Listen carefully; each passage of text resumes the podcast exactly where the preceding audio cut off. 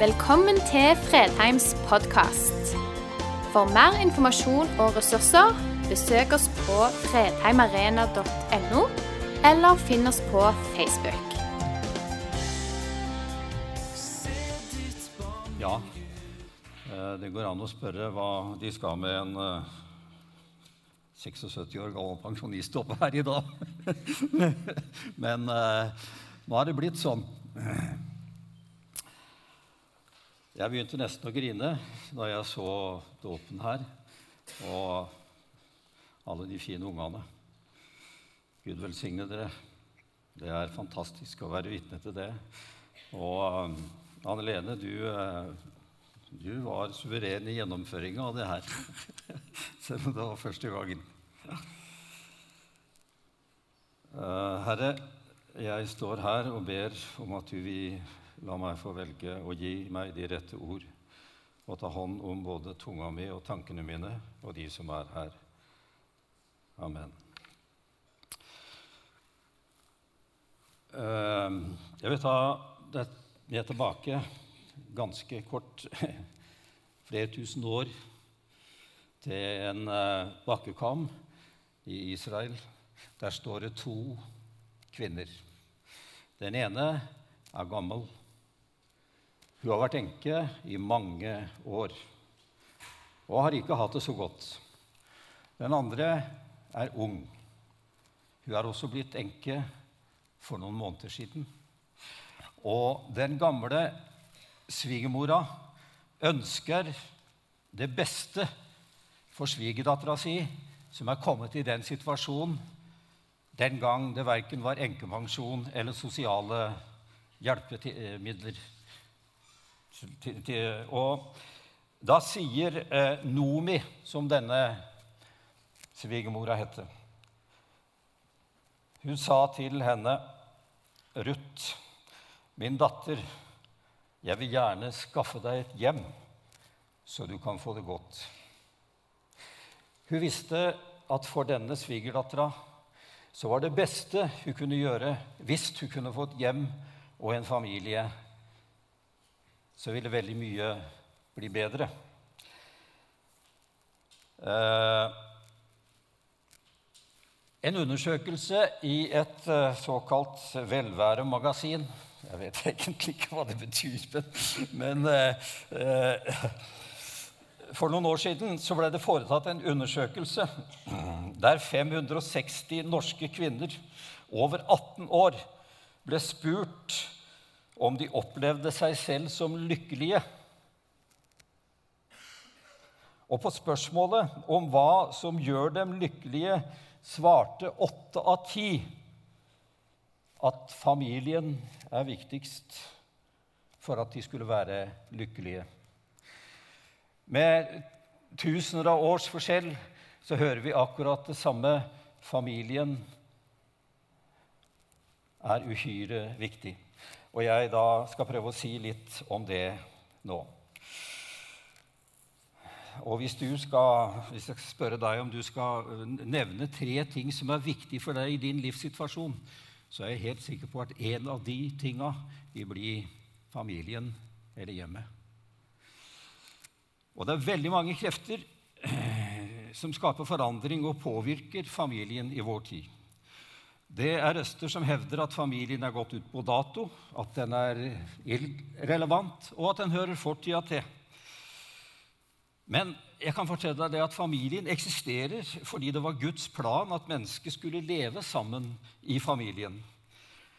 Den er ikke bare en sosial konstruksjon. Den er en av Guds skaperordninger, og de forandres ikke, selv om samfunnet for øvrig forandrer seg gjennom tidene. Men det er bare å se i øynene at det står en veldig hard og tøff kamp om hjem og familie i vårt samfunn i dag. Så den er under sterkt press.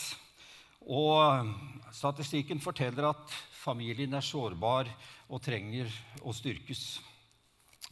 Og I dag så lever vi i en tid der nye lover vil endre forståelsen eh, av begrepene ekteskap, foreldre, barn og familie. Eh, de gamle definisjonene de er eh, trist nok blitt forvist fra lovgivningen. Og det som har vært Bibelen og Kirkens lære gjennom flere tusen år, det er fjerna. Men det står fast at enhver person trenger sin familie og slekt. Og samfunnet kan bare overleve når slektstilhørigheten er kjent. Barn må ha en far i likhet med en mor. Alle barn er resultat av to kjønns innsats. Alle mennesker har en mann som far og en kvinne som mor. Og ekteskap, det har alltid betydd kvinne, mann og felles barn. Sannheten går ikke ut på dato, mine venner. Men hva sier Bibelen om familien? Jeg skal prøve å si litt om det. Hvis vi går tilbake til begynnelsen, til bruksanvisningen, til skapelsen, så kan vi se hva det handler om når det gjelder familien. I Første Mosebok 2 så står det da sa Herren Gud, det er ikke godt for mann å være alene. Jeg vil gi ham en hjelper som er hans like. Altså, ekteskap og familie, det er Guds idé. Det er hans institusjon, og den er plassert som en grunnstein i samfunnet vårt. Og den første vigselen den var det Gud som sto for og utførte i Edens hage mellom Adam og Eva. Gud skapte Adam og satte ham i eh, perfekte omgivelser. Han hadde alt han kunne ønske seg, og likevel så sa Gud det er ikke godt for mann å være alene. Jeg har vært alene i eh, to år nå, til at kona mi døde. Jeg kan underskrive på det. Det er ikke godt for en mann å klare seg alene. Er, jeg, jeg, jeg, vet at jeg har blitt opp i åra, men jeg må bare erkjenne det. Det er ikke så veldig godt for mannen å være aleine. Du føler deg hjelpeløs noen ganger. Men jeg har hatt mye god hjelp rundt omkring meg. Det har jeg hatt. Det. Eh, det er sant, eh, dette, enten du er gift eller singel. Vi er skapt for fellesskap. Enten du er gift eller ikke, så trenger du noen dypere relasjoner og omsorgspersoner i livet ditt. For mennesket er altså ikke skapt til å være aleine. Så derfor stifta Gud familien. Og når han hadde gjort det, så betrakta han sitt verk og sa, 'Det er overmåte godt'. Det er overmåte godt. Og når Gud betegner det som overmåte godt, så var det fordi det var i overensstemmelse med hans gode skapervilje, og det svarte til sin hensikt. Familien, hjem og ekteskapet hører med til det som var fra begynnelsen. Fra begynnelsen. Og Jesus svarte en gang noen som spurte ham om disse tingene, så sier han, har dere ikke lest at Skaperen fra begynnelsen av skapte dem til mann og kvinne, og sa, derfor skal mannen forlate sin far og sin mor og holde seg til sin hustru, og de to skal være ett.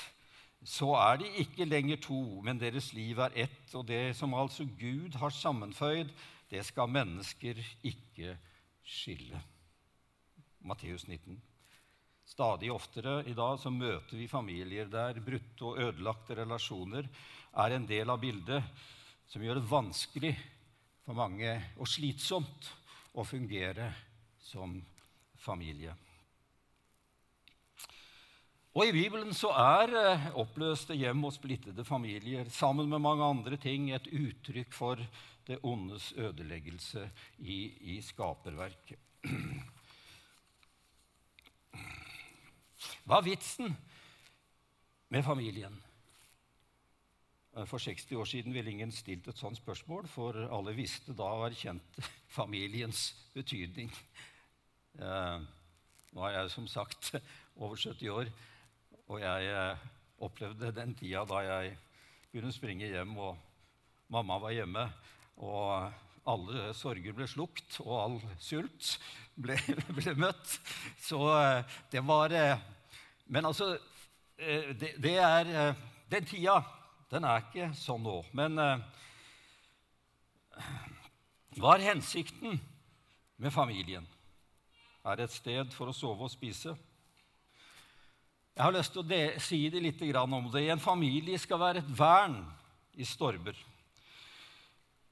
Vi vil alle oppleve stormer i livet, fordi livet er ikke enkelt. Det kan være veldig, veldig tøft. Dager da livet stormer og påkjenninger holder på å ta knekken på oss.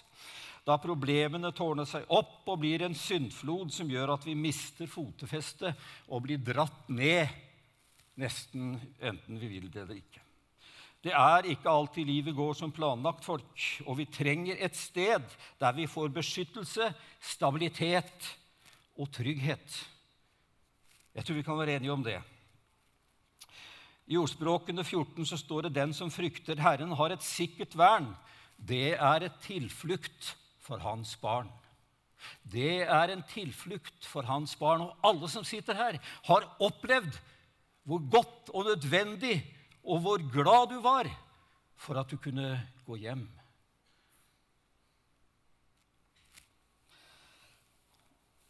Har dine barn en plass der de har et vern og en tilflukt? Det kan ikke jeg svare på, men det kan du svare på. La meg nevne en av disse stormene, forandringenes stormer. Det kan være at vi blir syke. Det kan være at vi skal ha en eksamen, at vi mister eller bytter jobb. Det kan være at vi flytter. Altså, Livet er fullt av forandringer, ikke minst i vår tid. For eh, 23 år siden så flytta min familie til Rogaland. Jeg har nesten dårlig samvittighet fordi at jeg har flytta åtte-ni ganger. Det er, eh, det, det er, ikke noe å holde fram som et eksempel. Det må jeg bare si her. Men sånn har det blitt. Men vi flytta til Rogaland, til Jørpeland, for to år siden. Da hadde vi med oss en gutt på tolv år. Midt i en alder der veldig mye flyter, og der behovet for noe som er sikkert, klart, er viktig. Ja, det er han som er en av pastorene her i Fredheim nå. Men når, han, når, vi, når vi kom dit, og han var tolv år gammel, og skulle begynne på en ny skole, så håpa vi selvfølgelig selv om at det kom noen tanker om åssen skal det gå. Og han begynte på skole, og det gikk veldig dårlig. Det gikk forferdelig dårlig. Det blei verre og verre. Og han kom flere ganger hjem fra skolen. Og han, jeg, har fått, jeg har fått lov til det, å fortelle det her, altså. Ja. Og han kom flere ganger hjem fra skolen og grein og gråt. Han hadde reist og blitt eh, revet opp ifra et sted der han trivdes veldig godt, og ifra en kameratflokk som han elska. Det var en stund som han dreiv og skrev eh, dikt uh, ut ifra den lengselen han hadde tilbake til Vestfold. Nå er det for lengst over, men uh, for han så var det sånn at vi begynte å lure på har vi gjort noe gærent nå. At vi har dratt med gutt, guttungen hit. Men heldigvis så fant han en kamerat. Én kamerat og jeg vet at i den tida så var det å få komme hjem og kanskje grine og øse ut alt det som han mener var så gærent, og som gjorde at han hadde det så vondt, det var uhyre viktig for ham. Vi trenger et sted der vi kan komme og gjøre nettopp det. Nå får dere unnskylde at jeg bruker han som eksempel, men eh, ni år seinere skulle han i militæret. Da hadde han rett og slett bestemt seg for at han skulle reise til Kosovo for å eh, tjene, for å tjene penger, som han sa. Det Var ikke det sånn elitestyrke på den tida, på 90-tallet, da, da, de kunne melde seg på der? Og så fikk de veldig mye betalt for å være med i den styrken. Og han reiste til Skjold i Indre Troms, glad og fornøyd, og med forsett å komme til Kosovo. Tre uker seinere så får vi en telefon hjem. Da er han nesten på gråten. Fordi dette her har blitt helt, helt annerledes enn det han tenkte. Han sier jo sjøl at uh, mitt problem har alltid vært at jeg har en tendens til å gå ut for hardt og ofte blir møtet med hverdagen hakket hardere enn mine forestillinger. Det blei det den gangen her. Og så var spørsmålet Så sier han det altså. Det høres kanskje svada ut, men jeg var langt nede. Jeg var flau over meg sjøl, og jeg visste ikke hvor jeg skulle gjøre av meg. Og i denne perioden av livet mitt var det ves av vesentlig betydning at jeg hadde en familie, en mamma og pappa, som sto med hendene åpne. Eh, jeg ønsker ikke å fremheve meg sjøl, men jeg bruker det som et eksempel på hvor nødvendig og godt det er å ha et sted som er din tilflukt. Når noe skjærer seg for oss, og vi står midt i en fiasko, da går du ikke til hvem som helst. Da er det godt å ha en familie å dele det med, der du er velkommen, også med dine tap og nederlag. Nå hadde jeg nesten sagt halleluja. Det er godt at eh, vi blir møtt av noen i våre nederlag og i våre tap, uten å bli spurt om hvorfor presterte du ikke bedre. Hvorfor tok du deg ikke sammen? Hvorfor kunne du ikke gjort det annerledes? Men vi blir tatt imot med det som vi kan kalle for ubetinga kjærlighet. Ja. En familie skal være et sted der du lærer å leve. Og I Bibelen sammenlignes familien ofte med en hage, et sted der man vokser og modnes. I Salme 144 står det våre sønner ligner planter, de vokser seg høye i ungdommens år. Og vi lærer en mengde ting i familien. Når vi skal forlate hjemmet, så er det noen ting som er viktigere enn andre, kanskje, som vi bør få med oss. F.eks. relasjoner. Du lærer å forholde deg til andre hjemme. Det gjelder både på godt og vondt, for din lykke avhenger av i stor grad i hvilken grad du evner å relatere til andre mennesker. Det er noe du lærer i familien.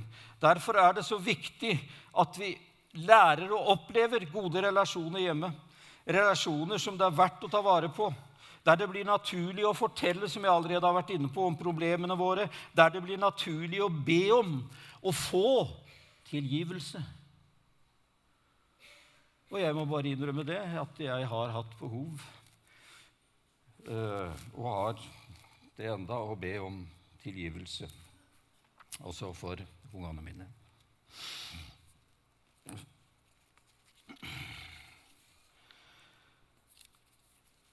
En annen ting som vi får med oss i en familie, det er karakter.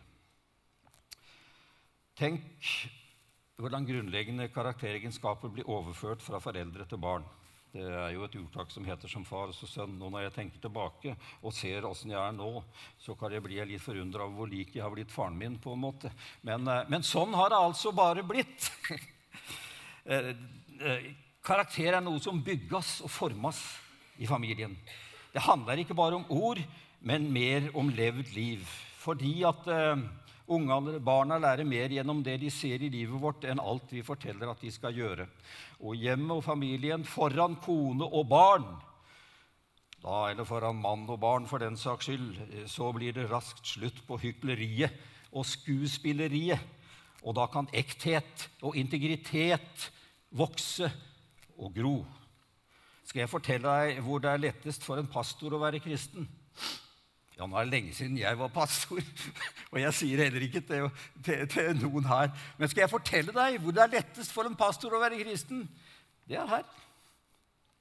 Her står jeg og ser på deg, og her kan du si akkurat det du vil. Og her eh, tenker de ja, han var en god kristen. Han lever sikkert inderlig og er veldig snill og god hjemme. Nei, for en pastor som kan gå ned fra prekestolen og gå hjem til unger og barn, han opplever plutselig at hverdagen møter han. Hverdagen Ikke hverdagen, altså, men, men hver, hver, hverdagen, den er annerledes. ja, den er annerledes enn å stå på en scene. Jeg har møtt hverdagen noen ganger. Det er ikke godt, men det er nødvendig. Det var nødvendig. Uh,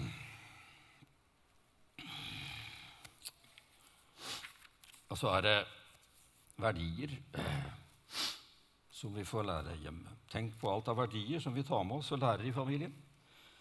Om verdien av arbeid, tid, Gud, tro, relasjoner, omsorg, penger, for den saks skyld sex og lek.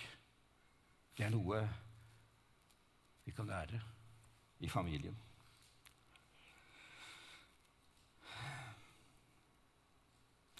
Fedre forteller sine sønner om din trofasthet, Gud, står det i Jesajas 38, 19. En gutt behøver å få vite av sin far at han er ålreit. Han behøver et signal fra far om at far liker ham. Ikke av prestasjoner og karakterer, men av at han er den han er. Det er det som kalles bekreftelse. Jeg har en nær venn Jeg kan vel godt si at han er nærstående. Som begynte å tenke og lure på, og som ble veldig alvorlig for Er far virkelig glad i meg? For han hadde aldri hørt at far hadde sagt at han var glad i meg. Noen av dere har nok hørt dette her et annet sted enn jeg hørte det. Men nå forteller jeg det sånn som jeg har hørt det. Og så bestemte han seg for å ringe rett og slett til faren sin for å spørre er du glad i meg. Og så svarer faren, som ble overraska fordi han aldri hadde opp, tenkt eller opplevd noe sånt i sitt eget hjem da. Og så sier han, ja, det, det har jeg jo vist deg hele livet, sånn. Så det vet du jo, at jeg er glad i deg. Og så svarer han, hvordan kan jeg vite det når du ikke har sagt det?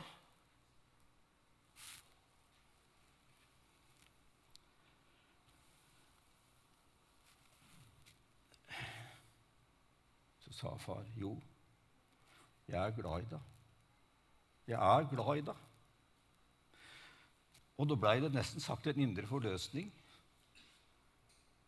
Både for han og andre at jo, vi er gjenstand for pappas og mammas kjærlighet. Men det kom altså ikke Det kom altså ikke på Blei sagt muntlig. Jeg lurer på folk eh, Er det lenge siden du sa til ungene dine at jeg er glad i deg? Er det lenge siden du sa til kona di jeg er glad i deg? Du kan godt gjøre det så fort du kan. Han som jeg fortalte om nå ja, Han er over 40 år, men eh, jeg skal fortelle om en annen som jeg leste. En som skriver om en mor som døde fra det lille barnet sitt, en liten gutt. Og den lille lot seg ikke trøste og var veldig urolig, spesielt om natta. Han kunne gå inn på rommet til faren og be om å få sove hos han, og han slo seg aldri til ro før han visste han var hos far, og at faren snudde ansiktet mot ham. Så kunne han spørre i mørket, 'Ser du meg nå, pappa?' Ser du meg nå, pappa?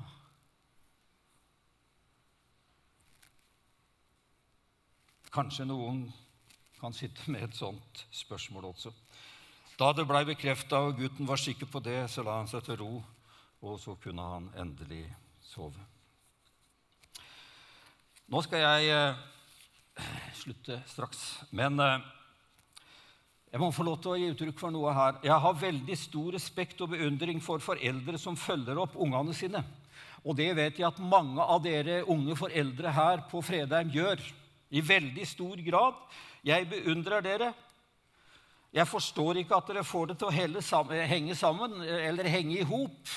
Men det er vel noe med de snakker om tidsklemma og sånne ting.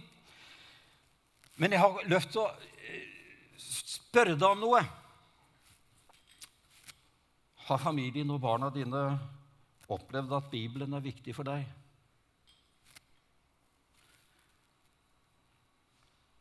Ber dere sammen?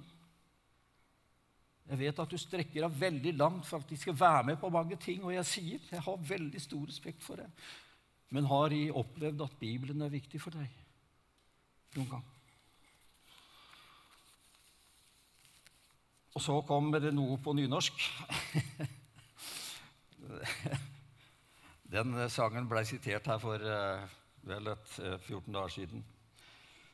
Det var han som ble kalt for den blinde sjåaren. Jeg har ei tjeneste stor for Gud fra dag i dag i det stille. Der hverdagstrøya er høytidsgrud og livsens småtil, småting så gilde. Og så er det ett e strofe i et annet vers. Så er min tjeneste stor for Gud, og heimen han er min kyrkje. For oss er det veldig, veldig lett å tenke som så Ja, Fredheim, der er min kyrkje. Nei. Det er ikke det viktigste stedet du er. Vi burde følge opp og gå på Guds sted, Men det er ikke det viktigste stedet du er. Men heimen, han er min kirke. Nå skal jeg sitere noe som en karakteriserte som 'Å, så vakkert det var å høre det'. Jeg vil ikke si hvem det var, men det er Luther som sier det. Så egentlig så ser jeg her utover en flokk med prester, med apostler og med biskoper. Nå skal du høre hva han sa. Fedre og mødre er så absolutt apostler, biskoper og prester for sine barn, for det er de som gjør barna kjent med evangeliet og framfor alt. Bibelen sier helt tydelig at det er foreldrene som har ansvaret og det ærefulle privilegiet å gi troen videre til sine barn.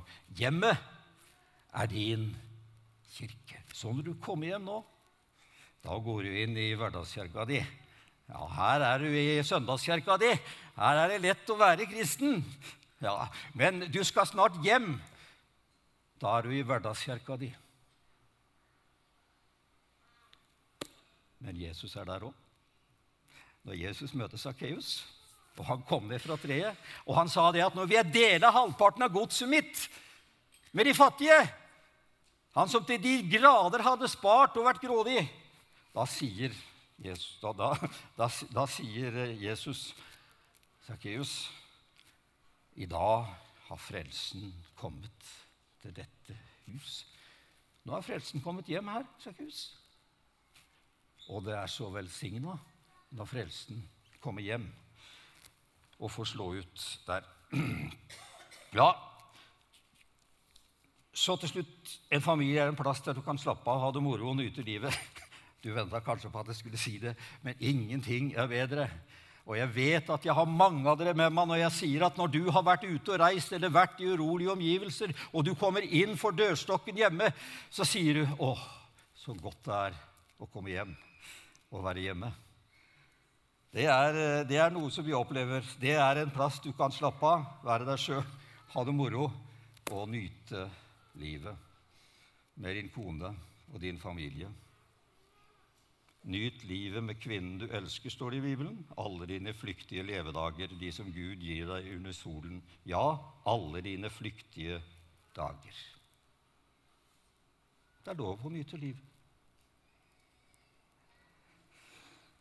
Så skal jeg lese et ord til slutt. Det er et veldig eh, kraftig ord. Det var et ord som eh, Josfa eh, sa da han sto foran israelsbarnet, og de sto på grensen til å gå inn i det lovede land, så måtte han ha greie på hvem han kunne regne med. Og da sa han sånn Men har dere imot å tjene Herren, så velg i dag hvem dere vil tjene. Enten de gudene som fedrene deres styrket bortenfor Storelven, eller gudene til amorittene som hadde det landet dere bor i. Men jeg og min ett, vi vil tjene Herren.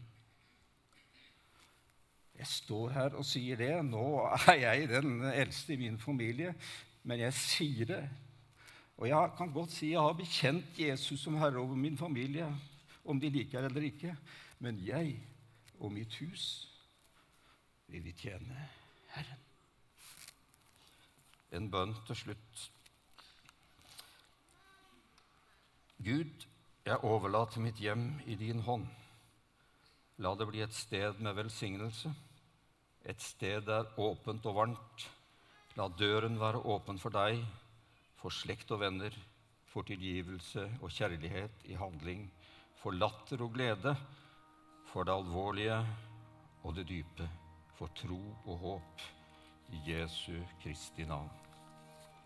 Amen. Takk for at du valgte å høre på. Nye opptak legges ut hver uke. Vi har gudstjenester hver helg, og du er hjertelig velkommen.